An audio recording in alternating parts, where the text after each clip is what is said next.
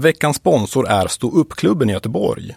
En mycket trevlig man som heter Hampus Algotsson vann förra veckans Tradera-aktion och får därmed göra reklam i detta avsnitt. Ja, han driver tillsammans med Marcus Bengtsson den här ståuppklubben. Jag har uppträtt där flera gånger. Förra gången jag var där så fastnade jag efteråt också på en efterfest och det blev karaoke hela natten. Det är en av de riktigt bra klubbarna på västkusten. Eh, nu har de inte sådär jättemånga biljetter att göra reklam för att ni lyssnare ska köpa. Men eh, den 26 april då kommer Jossan Johansson, Josefin Johansson, ni vet, smartare än femteklassare och allt det där. Eh, hon eh, kommer dit eh, då. Där, da, där, finns det biljetter kvar. Så gå in och haffa biljetter till Jossan på eh, ståuppklubben i Göteborg den 26 april. Henriksberg heter det, har du varit där någon gång? Eh, nej, det heter väl Majorna va? Det där trevliga alkisområdet. Lite Göteborgs eh, jag, häng, jag hängde mycket i Göteborg på 1900-talet. Men eh, sen jag flyttade hit så är det ju så långt till Göteborg. Så det blir det inte så ofta tyvärr. Nej. De, de, de var lite roliga, Marcus och Hampus, för de tyckte att eftersom det inte finns så himla mycket biljetter kvar till ståuppklubbens föreställningar. De biljetterna som finns kvar de finns på www.ståuppklubben.com. Eh, sök på ståuppklubben på Facebook, Instagram, Twitter och så vidare. Det där fixar ni. Men han menar att eftersom det inte finns så mycket att göra reklam för. Så vill han göra reklam för två grejer. Exakt. Ja. Och det andra, det är att han vill tipsa om Tysklands tionde största stad Bremen, som är en mysig stad. Besök den. Fan, om det är, kan det vara staden som man testar och alla saker på W? eh, Weissbier, Wurst och så vidare. Många tyska grejer heter saker på W. Har du varit i Bremen? Var fan ligger Bremen? Jag tror inte att jag varit i Bremen, men eh, de flesta tyska städer är liksom ganska lika. Så att... Men de är lite gammaldags. Det finns en gammal kyrka, det finns en höstmarknad. Och spårvagnar. Är det mycket spårvagnar? Ja. Det är därför eh, västsvenskarna gillar Tyskland. Det som eh, Marcus Hampus gjorde det var att de gick in på Tradera, budade på att få köpa det här annonsutrymmet. Eh, det kommer trippla deras omsättning. De kommer vara tvungna att byta. de kommer alla ståuppklubbens föreställningar från och med nu kommer ske på Göteborgsoperan eh, istället antagligen. Så är det med reklam. Det gör väldigt stor nytta för verksamheten som man driver. Ja, så är det. Ni som lyssnar nu, om ni skulle vilja lägga ett bud på nästa veckas reklambudskap så kilar ni in på Tradera och söker upp synfullt framåt där. Första budet är en spänn, sen får man bjuda hur mycket man vill sen. Sen förra veckan har vi fått eh, två nya Patreons också som vi är väldigt glada över. Ja, de har gått in på patreon.com, patreon.com snedstreck synfalt framåt. Eh, och där kan man knappa in lite uppgifter eh, och när vi då släpper nya avsnitt då dras det en summa från era konton, typ ett par dollar och då blir vi jätteglada. Tack Martin Bergstrand och HC Tal som är de nya patronsen som vi har fått. Vad ska vi göra nu då? Ja, nu ska vi lyssna på veckans avsnitt som vi som vanligt har spelat in hos Beppo. Tack Beppo. Tack Beppo.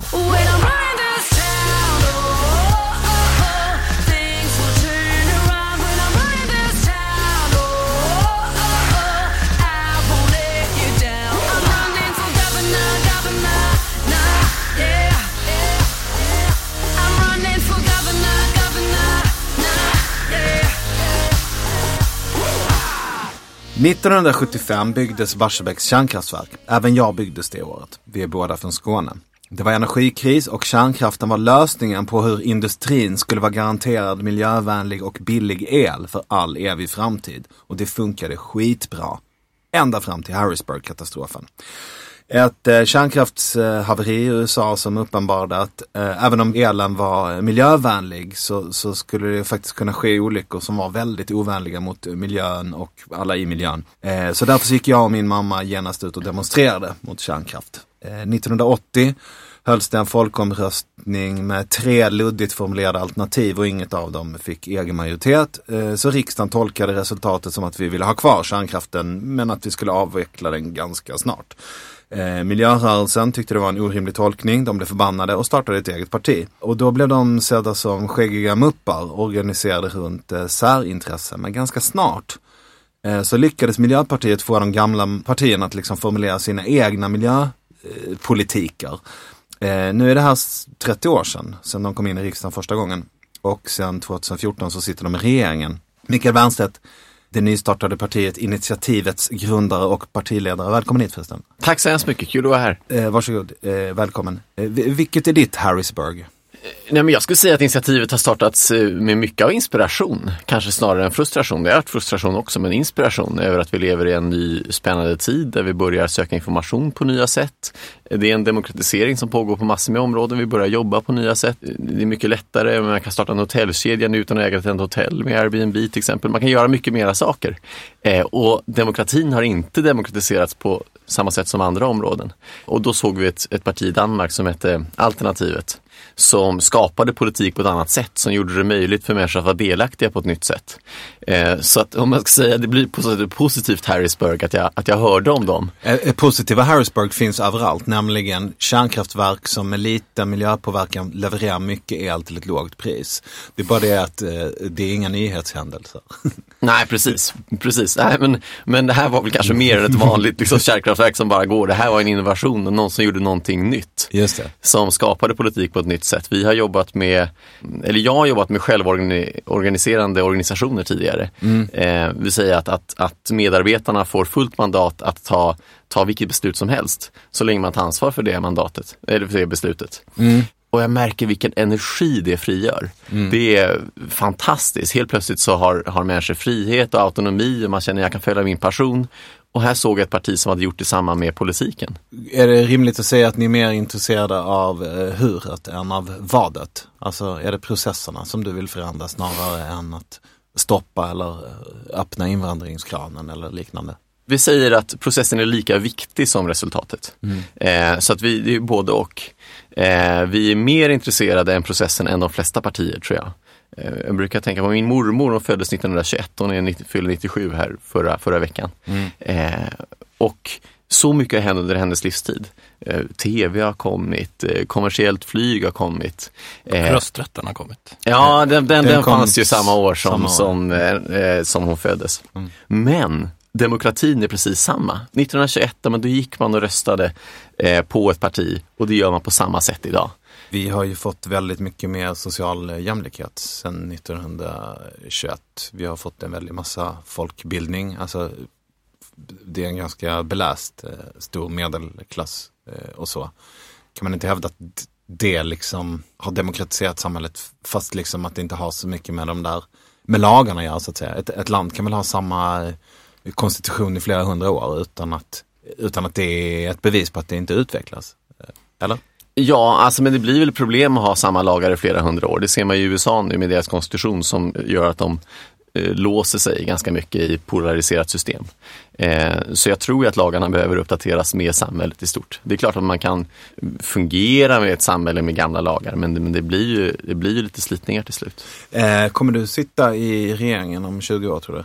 Om 20 år? Ja, det tror jag. Så, så är det ju. Nu, nu sitter ju sig inte Per Gahrton i regeringen och det kommer han inte göra för han sitter och krökar pestilent. Men, eh, och det är väl kanske pris man får betala om man bryter ny bygd.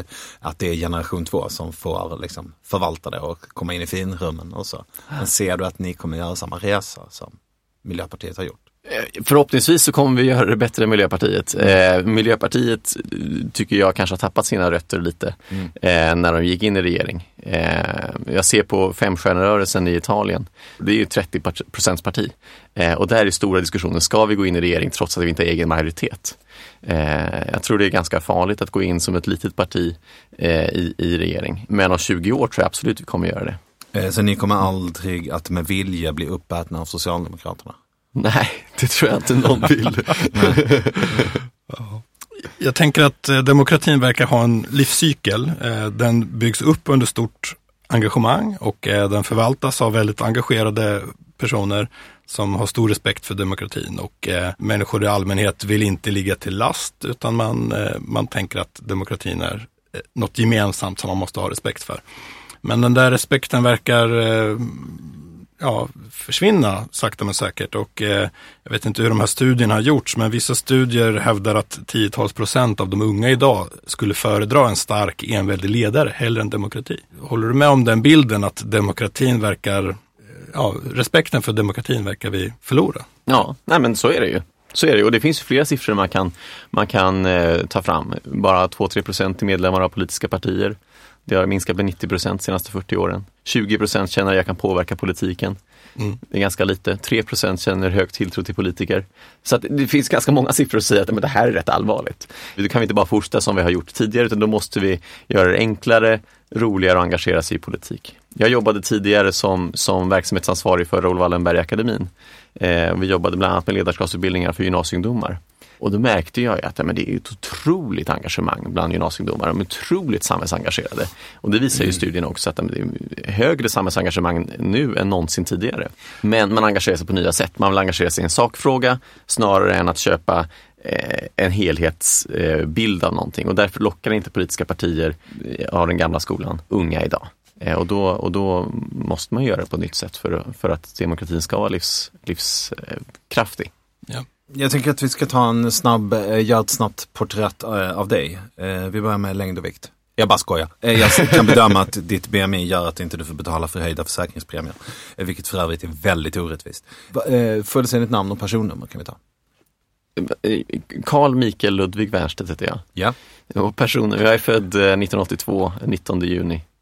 Eh, var är du uppvuxen?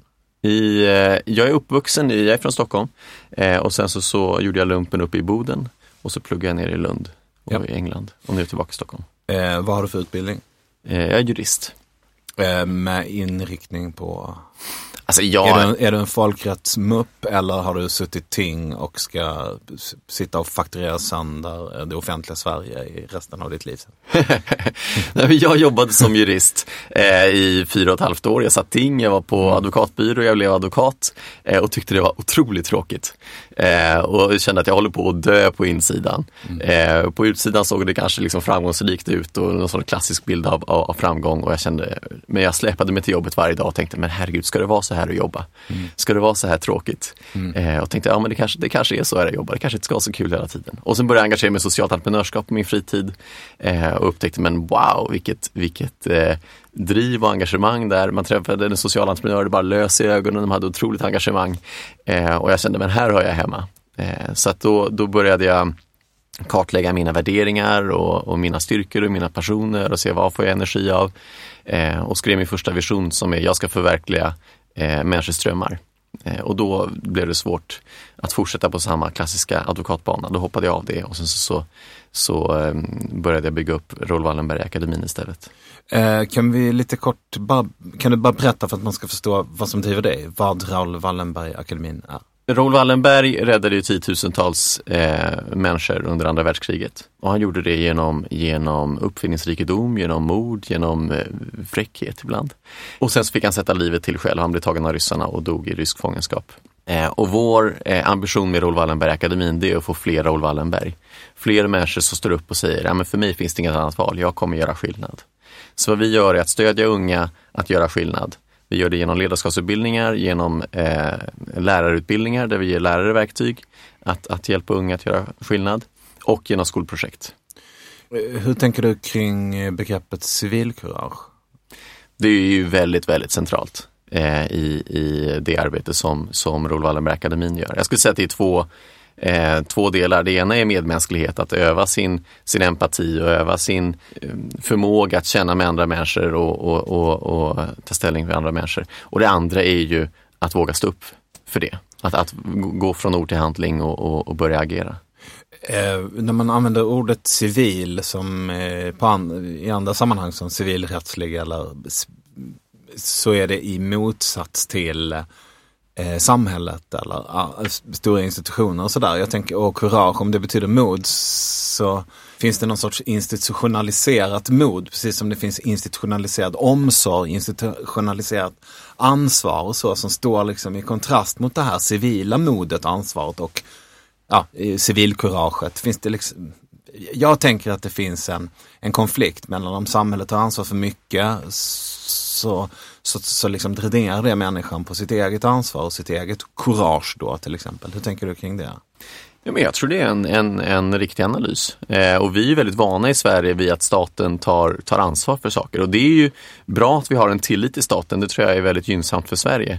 Eh, men men eh, när det får oss att säga, men då behöver inte jag ta ansvar, då, då tror jag det blir farligt. Och då, då blir det inte så bra resultat och, och lite halvt. Så jag tror vi, vi kan göra ganska mycket i Sverige med att bygga upp det civila ansvaret. Och så jag så tror... i, i initiativet Sverige, är det då eh, lite mindre klåfingrighet från staten? Eh, eller är det bara, eller vad? Jag skulle säga att, att, att, initiativet är både höger och vänster. Vi ser att, att höger och vänsterskalan är, är, börjar bli obsolet. Den var väldigt eh, relevant när vi, allt handlade om att bygga materiell välfärd. Eh, men nu när vi har ganska mycket av våra materiella behov täckta, då är det mer intressant att, att, att se till våra emotionella behov, våra psykologiska behov. Eh, och höger pratar man ju mycket om autonomi och frihet och till vänster pratar man mycket om gemenskap och sammanhang och att alla ska med på båten. Och vi ser att båda de här är väldigt grundläggande mänskliga behov.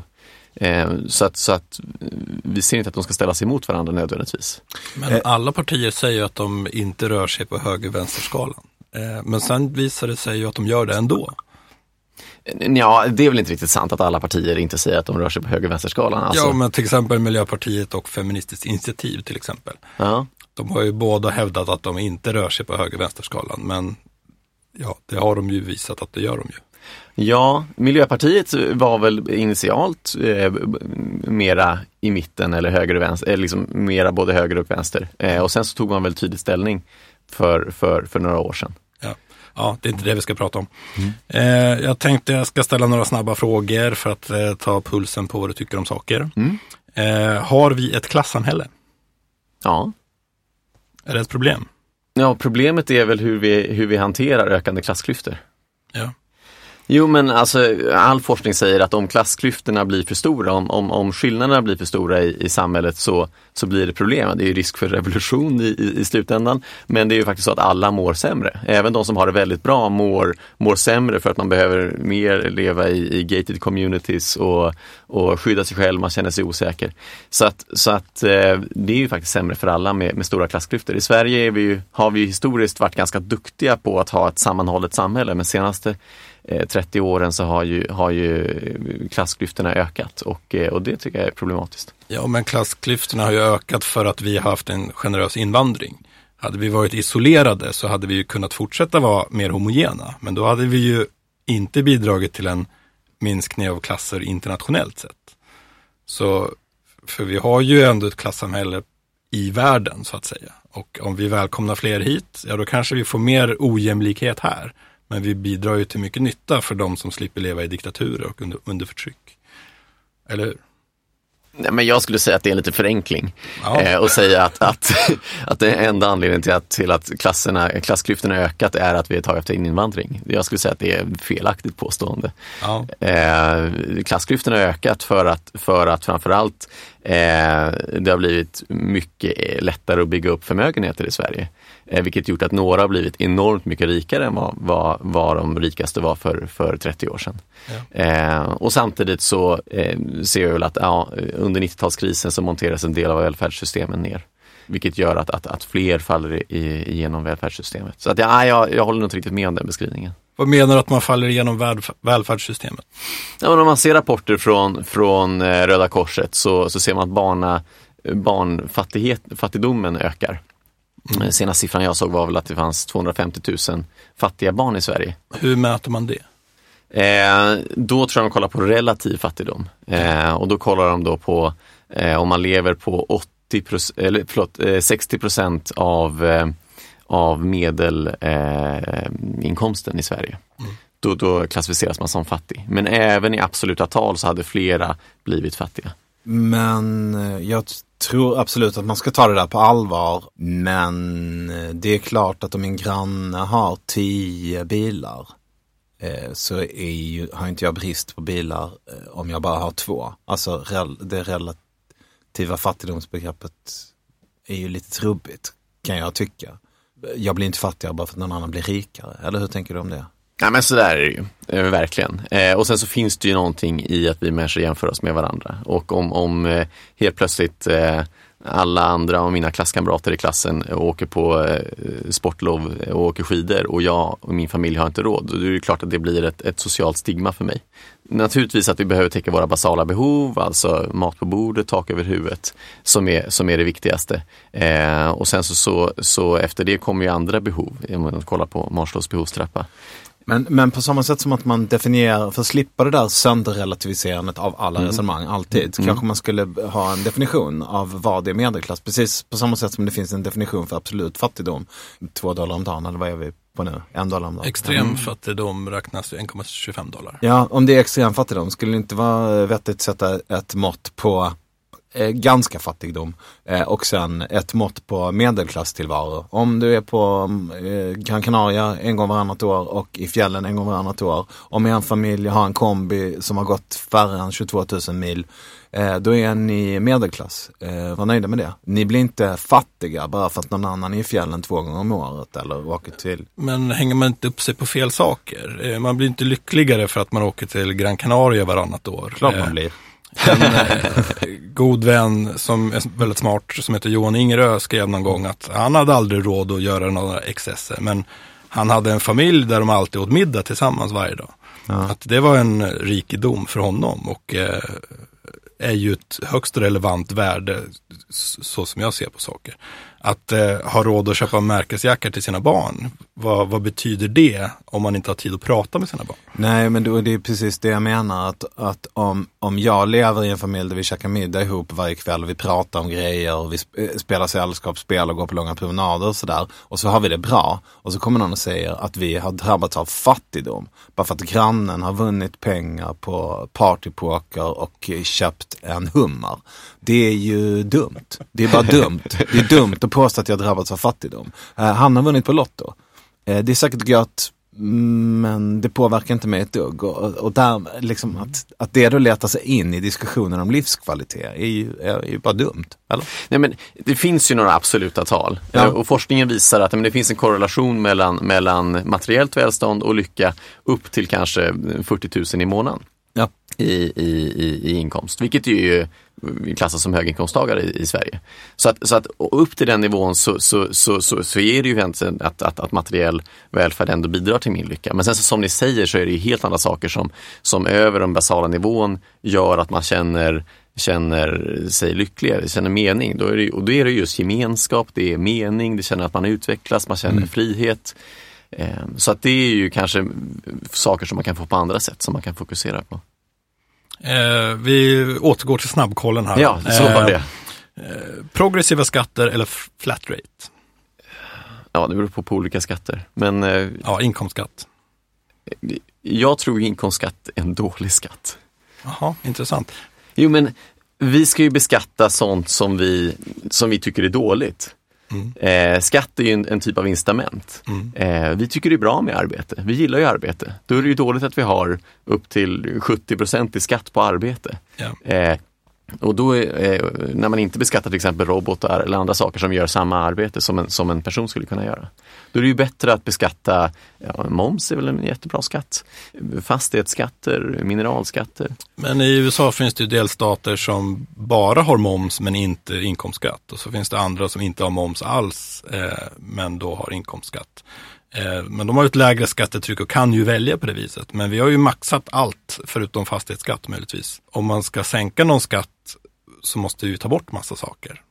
Vad, Ja, vad men kan vi en sak man kan ta bort till exempel att nu subventionerar vi ju eh, fossila bränslen väldigt mycket i samhället. Ja, men det är ju bara en fis i rymden jämfört med all inkomstskatt vi betalar. Ja, 40 Eller- miljarder. 40 miljarder, ja, det är ju en, en rejäl fis. Det är helt vis. Eh, eh, eh, Subventionerar vi fossila bränslen med 40 miljarder? Ja. Ja, coolt. Coolt. Ja, jag har en dieselbil. Men vi har ju massa bensinskatt och dieselskatt också. Ja, hur hänger det ihop? Och det är väl också några tiotals miljarder. Jo, jo ja, men vi, vi, har, vi, har, vi har skatt på det. Men det är ju så att, att fossila eh, bränslen har ju varit positivt för samhället. För det har gjort att vi har ökat våran, våran eh, materiella välfärd väldigt mycket de senaste 200 åren. Och därför är hela samhället inställt på att vi ska använda fossila bränslen. Det är mycket lättare och billigare för mig att ta ett flyg till Paris än vad det skulle vara att åka tåg till Paris. Ja. Eh, då skulle jag behöva byta massor med gånger, det skulle vara hur mycket dyrare som helst. Eh, så att samhället är ju på något sätt inställt på att jag ska använda fossila bränslen. Och det kan man ta på alla områden i samhället. Vad gäller mat så är det mycket, mycket billigare på grund av att vi använder fossila bränslen. Ja. Jobbar vi för mycket? Bra frågor. Eh, jag tror vi jobbar för mycket, ja. ja. Eh, kan det behövas kvotering ibland? Kvotering tror jag är en sista utväg. Jag tror på andra sätt att, att få en bättre mångfald. Ja. Eh, mår vi bättre eller sämre nu jämfört med 80-talet? Eh, ja, statistiken säger att vi mår sämre. Ja.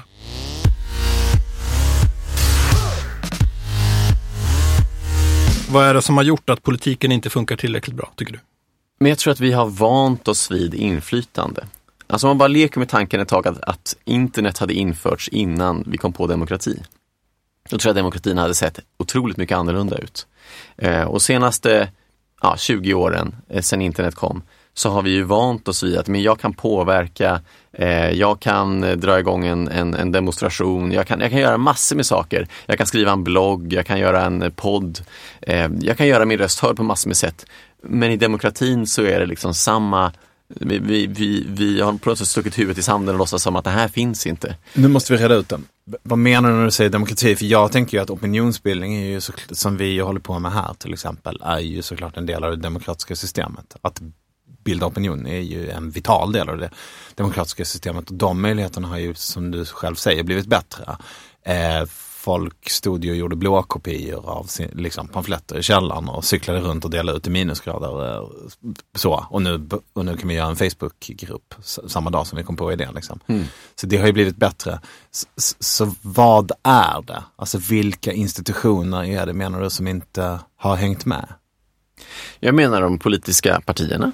Ja framförallt. Ja. Eh, och även eh, ja, men, valsystemet, alltså de politiska institutionerna. Tänker jag riksdag. Eh, men men eh, när eh, en stor del av befolkningen fick en kollektiv stroke och tänkte nu vill, bli, nu vill vi bli rasister allihopa och få det att bli rumsrent. Så gjorde de ju det på nolltid och det har ju gått hur bra som helst. Det verkar ju nästan vara lite för lätt, tänker jag. Nej, men jag, jag, jag, tror, jag har en positiv syn på människan. Ja. Och jag tror att Hur vi... kan du ha det? men jag tror att vi alla i grunden vill, vill gott. Eh, och sen så, så agerar vi på olika sätt på grund av att eh, våra omständigheter och kanske för att vi känner oss hotade. Mm. Om man ser på, på Trump, om man ser de som röstade på Trump och som kollar på olika saker. Det som är högst korrelation med, med röstande på Trump var att eh, man tror att mina barn kommer få det sämre än vad jag har haft det. Mm. 72 procent trodde att mina barn kommer få det sämre än vad jag har haft det. De som röstar på Sverigedemokraterna, om man frågar samma fråga, då är det 90 procent som tror att mina barn kommer få det sämre eh, än jag har det.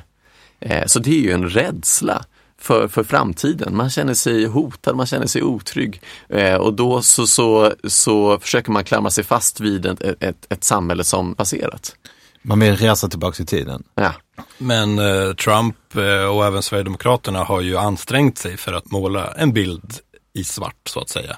Det här pratar vi ju med filosofen Åsa Wikfors om, men när man återupprepar samma mörka bild hela tiden så tror ju folk på den. Till, ex till exempel att kalla eh, en ort för no-go-zon om och om, om igen till exempel. Visst. Och Trump som säger att eh, kriminaliteten har ökat och eh, mm. ja, mexikaner är våldtäktsmän och allt tokigt han har sagt. Förr eller senare så blir det där någon verklighet och det är klart att man tror att framtiden kommer bli sämre om man hör det där hela tiden. Men, men jag, jag vill be om ursäkt för jag hoppar, hoppar på dig hela tiden. Berätta istället vad det, vad det är för förändringar av de demokratiska institutionerna som du tror skulle kunna göra stor skillnad. Men får jag bara kommentera det där? Ah, för jag tycker det är så spännande. Ja, det är klart att, att, att Trump och Sverigedemokraterna målar upp en bild i svart för att det gynnar ju dem. Ja. Och då är det ju vårt ansvar som, som tror på en, en, ett öppnare, eh, medmänskligt, eh, samhälle där, där, där fler eh, människor, människor eh, ryms. Att måla en positiv bild av framtiden. Mm. Jag fick frågan häromdagen, så här, tror du på framtiden? Och jag sa, ja men det är klart jag tror på framtiden. Vi ser ju att så mycket blir bättre. Eh, vi kommer inte behöva jobba lika mycket i framtiden med ändå eh, samma, samma levnadsnivå. Vi känner att vi är mer och mera liknande varandra i, i världen.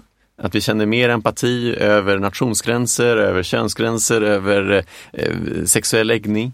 Eh, vi får bättre och bättre utbildning, eh, vi blir mer jämställda. Ja, men, eh, så mycket pekar på, på, på en positiv framtid. Ja. Eh, och, och då måste vi måla en hoppfull framtid. Det är ju på något sätt vårt ansvar att säga men det här kommer bli bra. Mm. Det kommer vara fantastiskt. Och vi kommer kunna, med det materiella välståndet som kommer skapas i framtiden, kommer vi kunna bygga ett ännu bättre trygghetssystem så att ingen, ingen eh, faller emellan. Ja. Eh, ja, det låter bra. Jag har hjälpt till lite grann med en annan podd som heter Heja Framtiden och eh, där var det en gäst som sa att eh, han trodde inte vi skulle behöva jobba till vi blir 75 i framtiden. Och det tycker jag var lite glädjande, men det bygger han ju på att vi kommer ha en ekonomisk utveckling som helt enkelt gör att vi kommer bara jobba lite mindre allt eftersom hela tiden. Det är ju ganska skönt att höra att man inte måste jobba tills man dör. Det säger ju nämligen många andra. Ja, jag funderar väldigt mycket på vad man skulle hålla på med om man inte jobbade. Jag eh, kan ha väldiga problem att slå ihjäl en helg. Det blir ju långa promenader, det är ju kul eh, så länge det finns poddar att lyssna på. Ja, men jag håller med, det är klart, jag skulle tycka det var jättekul att jobba till 75 eller 80, det beror på hur, hur, jag mår och sådär. Så länge jag gör något som jag tycker är kul. Mm. Och då är det ju bara för att ge fler möjligheter att göra någonting som man tycker är kul. Ja. Men eh, led oss genom er process då. Eh, ponera att jag är medlem, jag kommer med en jättebra idé. Hur tar vi den här idén vidare till praktisk politik? Eh, gärna så kortfattat som möjligt. Ja, nej men redan där kan jag ju börja. Man behöver inte vara medlem för att vara med och medskapa politik hos oss. Ja. Utan alla är välkomna. När det kommer en idé så har vi en workshop om den här idén. Eh, för att fila på olika aspekter på den här. Se, okej, okay, vad, vad är det för, hur kan man knåda fram det här till ett politiskt förslag? Eller en politisk vision. Sen så, så blir det en grupp då som, som bearbetar den här inputen från workshopen eh, och, och, skriver ner det till en vision eller ett förslag. Eh, sen så har vi en Facebookgrupp där vi lägger upp det här. Då får alla komma med input på att säga, ja men det här var ju jättebra, men det här kanske du kan tänka på och sådär. Efter den inputen så, så eh, ändras ju förslaget igen och sen så läggs det om till en omröstning. Och då äh, är det medlemmarna, då kommer vi dels lägga i vår Facebookgrupp som heter initiativet äh, slash politikutveckling.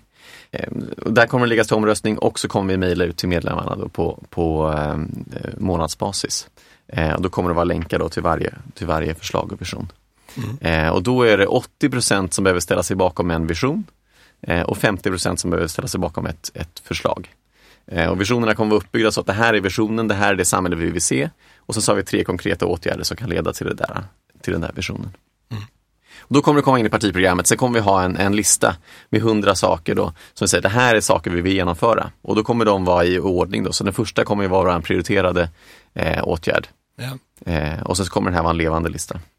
Men eh, väldigt mycket i politiken är ju komplicerat, speciellt eh, ekonomi. Mm. Eh, I vilken grad blir ni inte ett populistiskt parti om ni skapar politik utan expertis så att säga?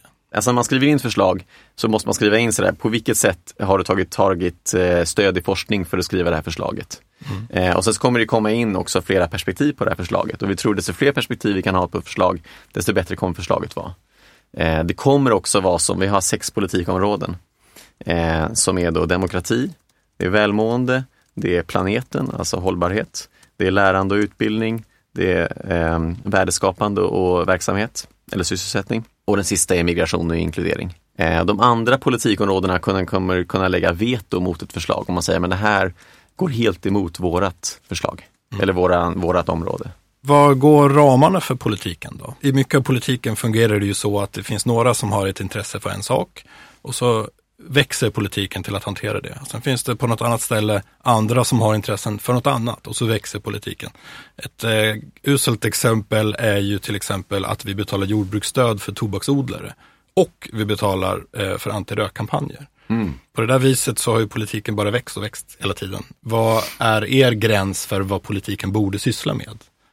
Ja, det där, det där har inte jag något färdigt svar på. Det får man ju se på, på, från, från, från situation till situation. Men jag tror det mycket... säger nog alla partier. Men ändå så vips så ska de hantera allt. Nej, men jag tror ju mycket kan ju förenklas i, i, i politiken och mycket är ju liksom idioti när man märker att det här är en bestämmelse som, som, som finns av någon konstig anledning. Och det tror jag alla har råkat ut för, att man ska fylla i någon blankett och man förstår vad är det grejen med den här blanketten det är väl samma sak där, att det kan väl vara en politisk rörelse också för att förenkla politiken. Eh, det kan ju också komma förslag om det. Eh, och, och där tänker jag en väldig skillnad. För att om politiken bara görs av politiker då finns det inget intresse av att minska polit eh, politikens makt. Men om, om det är befolkningen som tar initiativ till politiken, men då finns det faktiskt ett intresse av att minska eh, politikens makt också. Så därför ser jag också en, en anledning till att demokratisera den politiska processen. Ja, men funkar det inte så med politiken att det räcker med att det finns några stycken som är hängivna för att lyfta en fråga för att det ska drivas igenom och bli politik.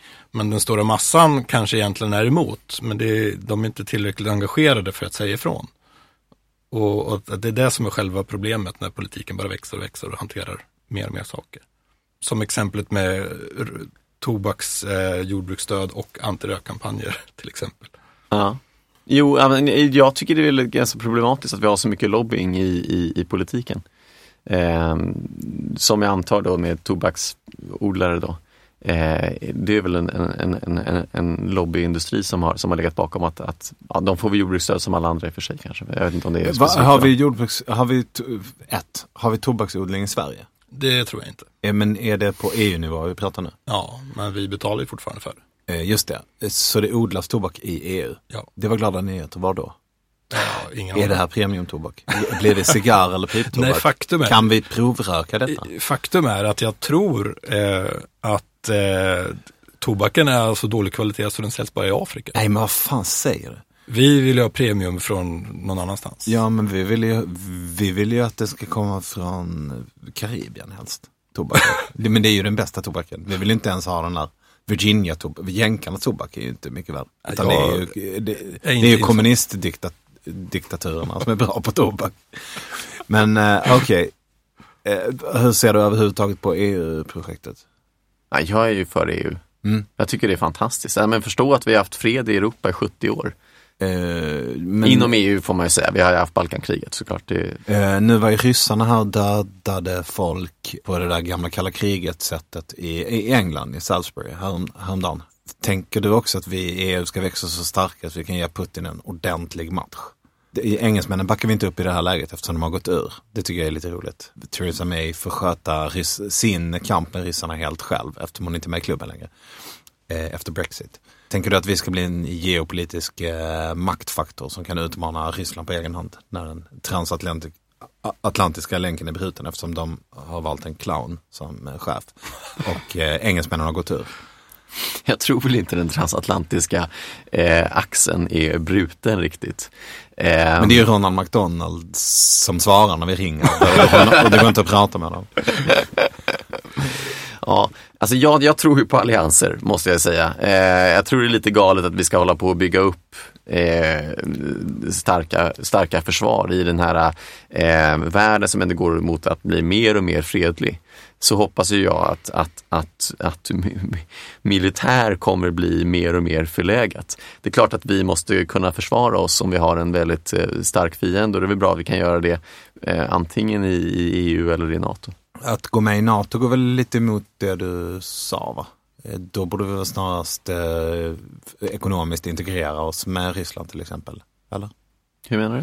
Uh, ja, om vi ska lägga mindre energi på att slåss och mer energi på det som, histor- som i backspegeln har gett oss mest fred, det vill säga ekonomisk integration. Som till exempel i uh, arbetet som börjar med kol och stålunionen som mm. var ett, mm. en ekonomisk lösning på ett liksom, geopolitiskt uh, problem.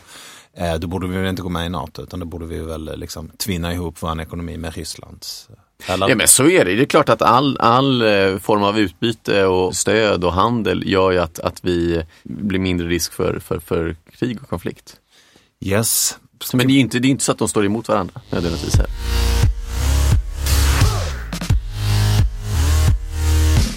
Vi ska ta och testa dina värderingar. Mm. Är det okej okay att ta lite, lite, lite av kollegans mjölk i kaffet? Det är fredag och den kommer ändå gå ut eh, innan måndag. Den står i kylen, den är tydligt märkt. Den är inte din. Men är det okej okay att ta lite i alla fall? Ja, det tycker jag. Rätt svar. är det okej okay att lösa konflikter med våld? Nej, det tror jag inte. Eh, så då är det inte okej att lösa konflikter med våld heller i utrikespolitiska sammanhang. Det där är en svår fråga alltså.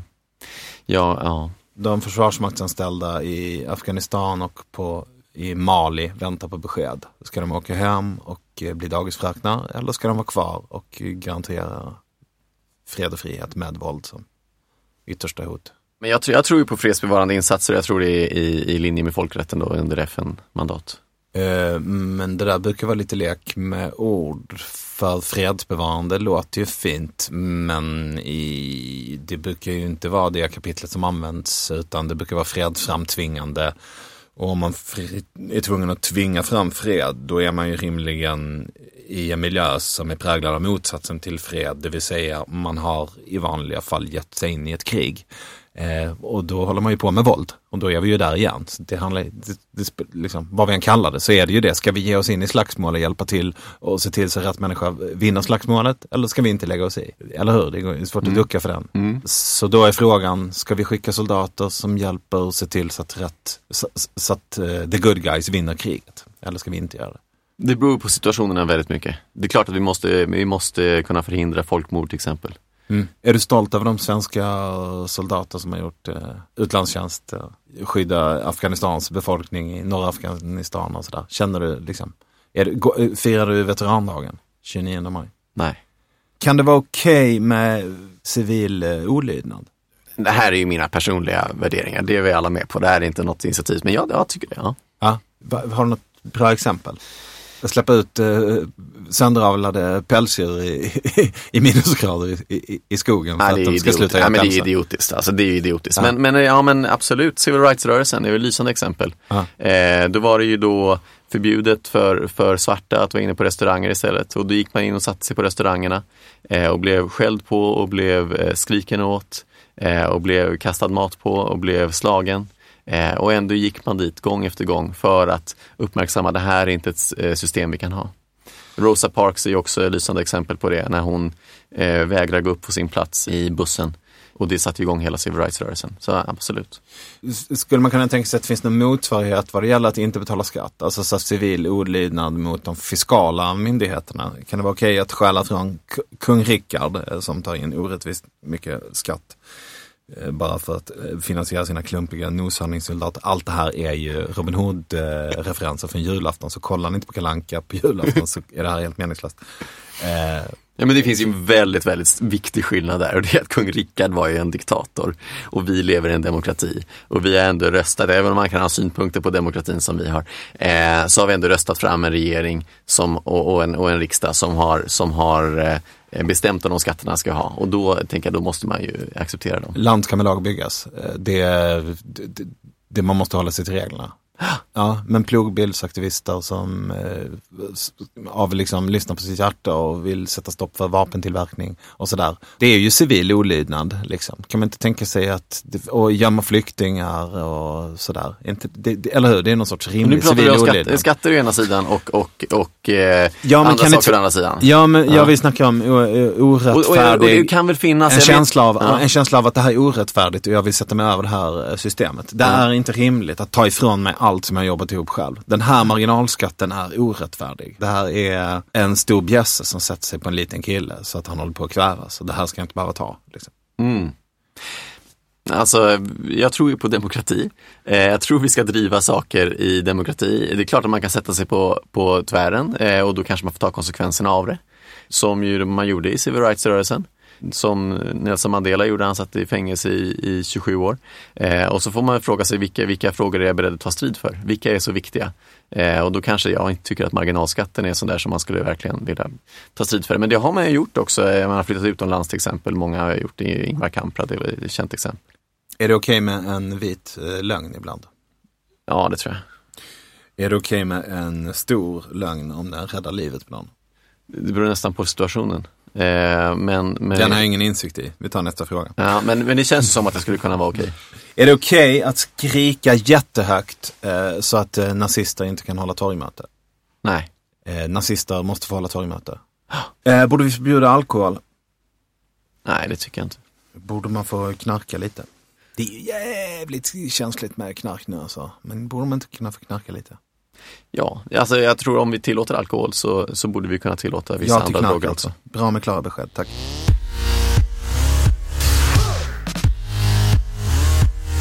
Vi har bett dig eh, komma med ett politiskt förslag. Det här behöver inte vara ett förslag. Jag menar nu, nu är det här lite speciellt. För ditt eh, parti eh, bygger ju inte på en stor stark karismatisk ledare som talar om för alla andra vad de gäller. utan tvärtom. Och det är ju hela poängen. Eh, men ändå, har du något som du gärna skulle vilja föreslå redan nu och som du skulle tycka var en skön grej om det genomfördes? Och där vill jag säga att vi håller på att medskapa vårt partiprogram och det kommer vara färdigt i, i, i april. Så att än så länge har vi inte färdiga politiska förslag. Nej. Eh, jag tror något som kommer komma väldigt högt på vår agenda är ju basinkomst. Vad betyder det? Basinkomst innebär att alla är garanterad en, en grundtrygghet. Alltså bara för att jag är medborgare i Sverige så, så är jag garanterad att jag får en ja, medborgarlön. Och om man, om man lyfter perspektivet lite så kommande då 20 år ser vi att hälften av alla jobb kommer försvinna. Det är en ganska liksom, stor omställning. Ja, I alla fall om man ger folk bidrag som de får utan att, utan att jobba. Det- är väl ett bra sätt att få stopp på, på jobb? nej, eller? nej, men så kommer det inte. Så det, det kommer det Nej, det var inte i den oavsett. ordningen du hade tänkt. Nej, det var inte den ordningen jag tänkte. Nej. Nej. men så kommer det vara oavsett. Alltså vi ser en, en, en enorm eh, di, eh, automatisering med, med AI, med, med robotar som gör att det kommer försvinna enormt mycket jobb, mer jobb än vad vi har försvunnit hittills. Men- och de nya jobben som kommer skapas kommer inte kunna tas av de som blir av med jobb. På, på 70-talet så, eller framförallt på 70-talet så kom ju kvinnorna in på arbetsmarknaden. Men eh, det var ju inte så att männen blev av med några jobb då. Och eh, sen dess så har vi väl blivit av med minst hälften av alla jobb. Men vi har ändå hittat på nya jobb. Vad är det som säger att vi inte kommer kunna hitta på nya jobb framöver? Ja, det är egentligen forskningen som säger det. Alltså, ta de företag som växer upp nu, ta eh, Spotify till exempel, men det är ett världsföretag. Mm. De har inte många anställda, de har ju några tusen anställda om du jämför det med med Hennes Mauritz eller liksom andra stora företag. Så Amazon, ja men det är, det är ett stor arbetsgivare men om man tänker på ändå hur mycket kunder de har så har de inte så mycket för de kommer att kunna ha automatiserade lager så kunna skicka ut mycket. Man behöver inte ha människor som jobbar i butik och säljer varor.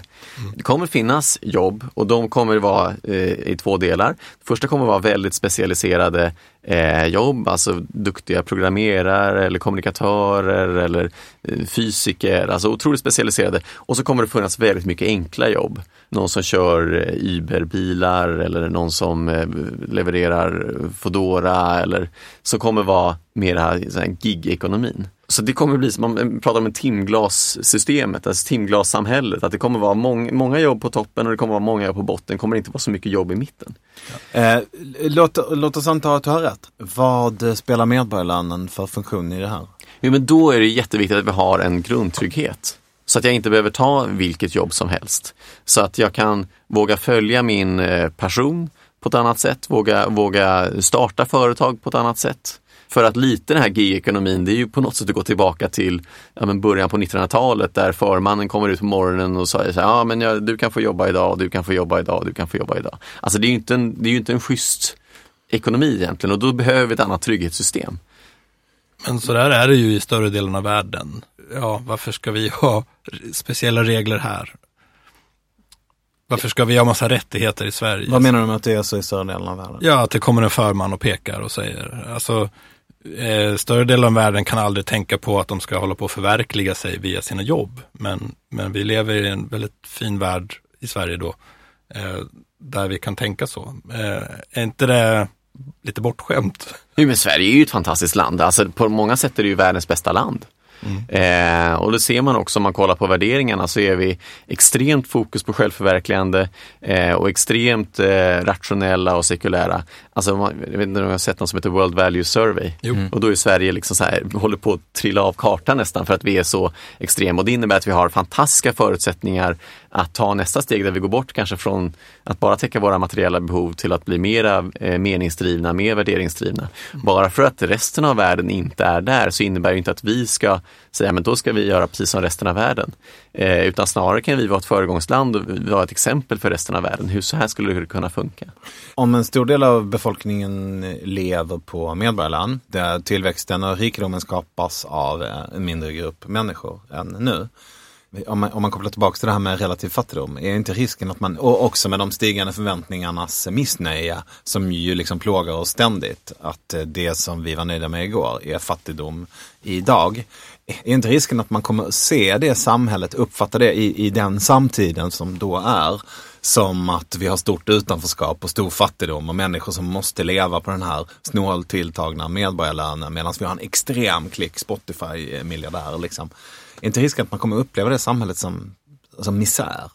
Men det här samhället tror jag det är ganska oundvikligt att det kommer komma. Mm. Eh, så att våran, våran utgångspunkt är ju att säga att okay, men hur kan vi hantera det? Hur kan vi göra det på bästa sätt? Ja. Eh, om man ser på Sverige idag så har vi ju inte så stora skillnader vad gäller, vad gäller inkomster, men enorma skillnader vad gäller förmögenheter. Mm. Och då kanske man ska ha mer skatt på, på, på land, på förmögenhet snarare än på, på, på inkomster. Men sen så, så är det här, alltså medborgarlön kan ju täcka en del av våra behov, det täcker våra materiella behov.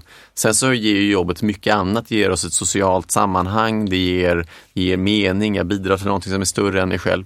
Och det får man ju täcka på andra saker. Då kanske det ska vara lättare att starta företag, lättare att, att och engagera sig i olika ideella verksamheter. Vi har ett stort civilsamhälle i Sverige. Och då kanske det kommer att växa upp massor med sociala företag ur det för att det är lättare att, vara volontär och så vidare. När du har snackat ja. till dig makten och de här förslagen är genomförda eh, och jag får min medborgarlön, då kommer jag lägga all min energi på att sysselsätta mig med eh, sjöräddningen, som är världens bästa organisation. Mm. En frivillig organisation mm. som sköter all sjöräddning nästan i, i Sverige. Ingen får en spänn. Det är bara donationer och ideellt arbete.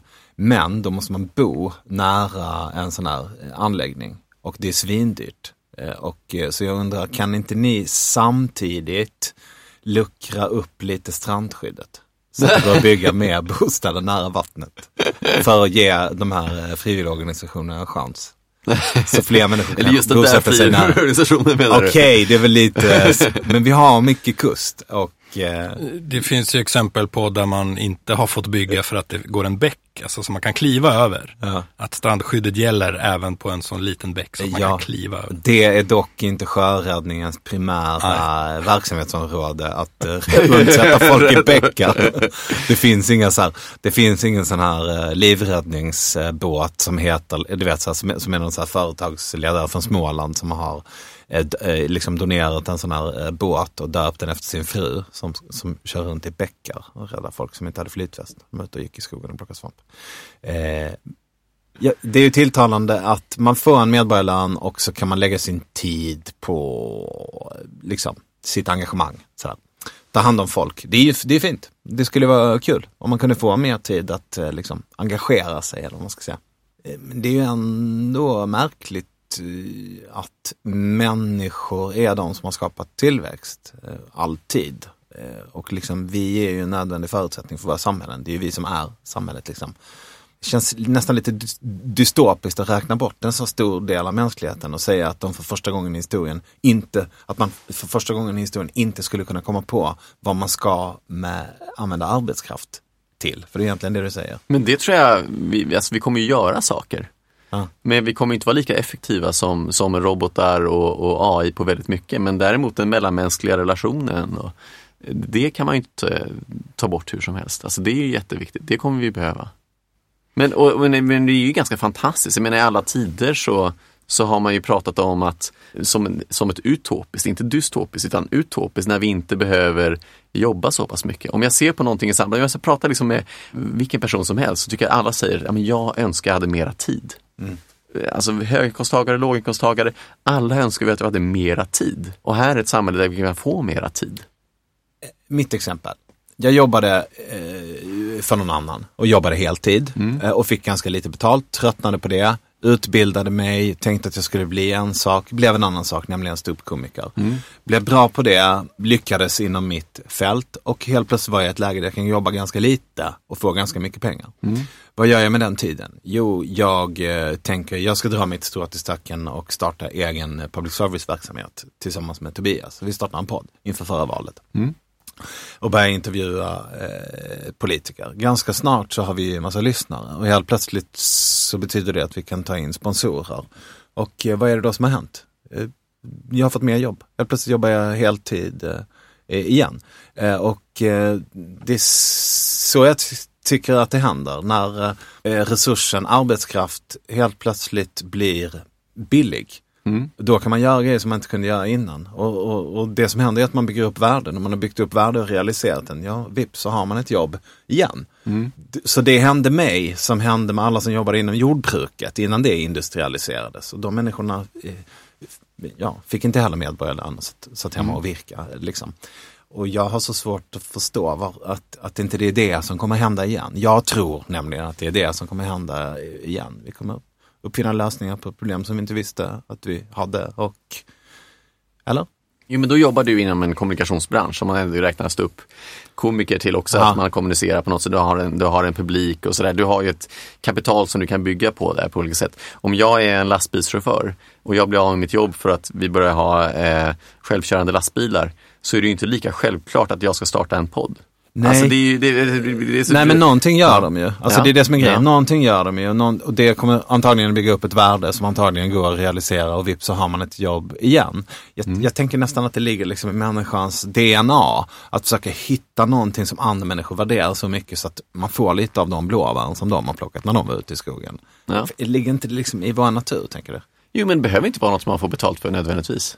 Jag har faktiskt inte fått betalt än för att vara partiledare för initiativet. Nej, det är sant. Eh, det kanske jag kan få eh, på sikt. Men, men man kan ju också tycka att men det här är bara så viktigt att jag måste göra det. Ja, jag blir ju lite orolig med det här att man inte riktigt vet var politikens gränser är. Så mitt politiska förslag som kanske har med det här att göra då, det är att man eh, låser skatteuttaget till de antal kronor som det är just nu. Och nästa år har vi haft lite inflation, men vi får inte skatta mer än samma antal kronor som i år. Vilket alltså betyder att det blir en skattesänkning. Så fortsätter man med det ända tills man är nere på EUs medel. Jag vet inte hur lång tid det skulle ta, men det tar antagligen några år. Och eh, med tiden så får man helt enkelt välja vad det är politiken ska prioritera. Och så får man strunta i det andra. Eh, så det här förslaget skulle då syfta till att man kan återföra fokus. Det är det som var huvudpoängen från början. Ja, intressant tycker För jag. jag kommer med ett förslag till också. Ja, fan. I det gamla Kina så hade man eh, en, en byläkare eh, och alla betalade en, en avgift till läkaren så, där, så länge man var frisk. Och när man var sjuk så slapp man betala, då fick läkaren jobba gratis. Ja. Så det fanns ett helt annat incitamentsystem för läkaren att, att eh, hålla en frisk. Eh, om man ser på dagens sjukvård, där, då får, man, får ju sjukvården betalt för varje diagnos man ställer, för varje operation man gör. Och så. För varje besök. Eh, För varje besök. Man blir väldigt duktig på att göra mycket operationer. Ja, man blir inte lika duktig på att hålla folk friska. Nej. Eh, så jag skulle nästan vilja slå ihop landstingen och Försäkringskassan. Så att, så att man, eh, det är samma då eh, organisation som tar kostnaden för om, om folk inte är friska. Då ändras det incitamentet för att jobba för att vi ska vara friska snarare än att vi ska vara Eh, bra idé, jag röstar för. Jag får jag eh, utveckla det till och med och eh, eh, låta det smitta av sig på resten av samhället eh, också, det här incitamentstänket. Människorna som får medborgarlön, eh, vi kopplar det till vad de eh, levererar in i samhället. Så de får sin lön om de skapar värde för samhället, men de får inte sin lön om de inte skapar värde för samhället. Är inte det samma princip? Hur mäter du värdet då? Ehm, på samma sätt som man alltid har mätt värde, genom att någon är beredd att betala för det. Du är expert på att plocka blåbär, jag är expert på att plocka svamp. Plocka äckliga svampar så vill du inte byta till dig dem och då får jag därmed inte några av dina blåbär. Ja, men alltså värdet skapas ju av mer. Om man pratar ekonomiskt värde. Mm, men de robotarna är ju inte några fysiska personer, de ägs ju av någon, drivs av någon, sköts av någon, smörjs av någon, lagas av någon. eh, Och, och, och sådär. Jag menar på samma sätt är det väl igen, jag menar robotarna är väl bara typ bättre bussar, eller? Eh, ja, jo, det är väl bättre bussar absolut. Alltså eh, som självkörande bussar då menar du? Ja men jag menar alla robotar är ju mas- maskiner. Ja, ja. Eh, och eh, de är ju, eh, och vi har ju haft maskiner eh, i alla år.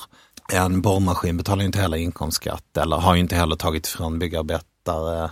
Det är ju inte något kvalitativt nytt, men det är jag- något kvantitativt. Alltså jag tror det är en enorm skillnad på att komma från en känsla av att jag måste göra det här.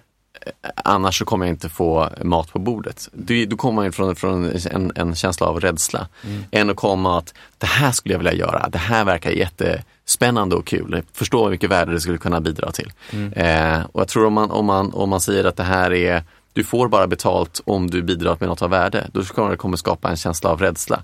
Då tror jag det kommer vara kontraproduktivt för det man vill skapa, vilket är en, en grundtrygghet som gör att fler människor kan känna jag gör något av passion och, och eh, engagemang snarare än, än eh, tvång. Okej, kör på det. Jag, jag, jag, jag skulle väldigt gärna vilja ha dig som eh, chef. Jag är inte hundra på att jag skulle vilja ha dig som statsminister.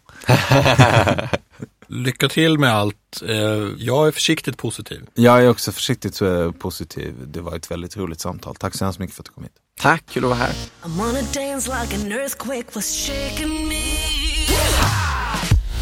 I'm gonna sing like my heroes were with me. Yeah. I built an army made of clouds and smiles to fight for you. I'm gonna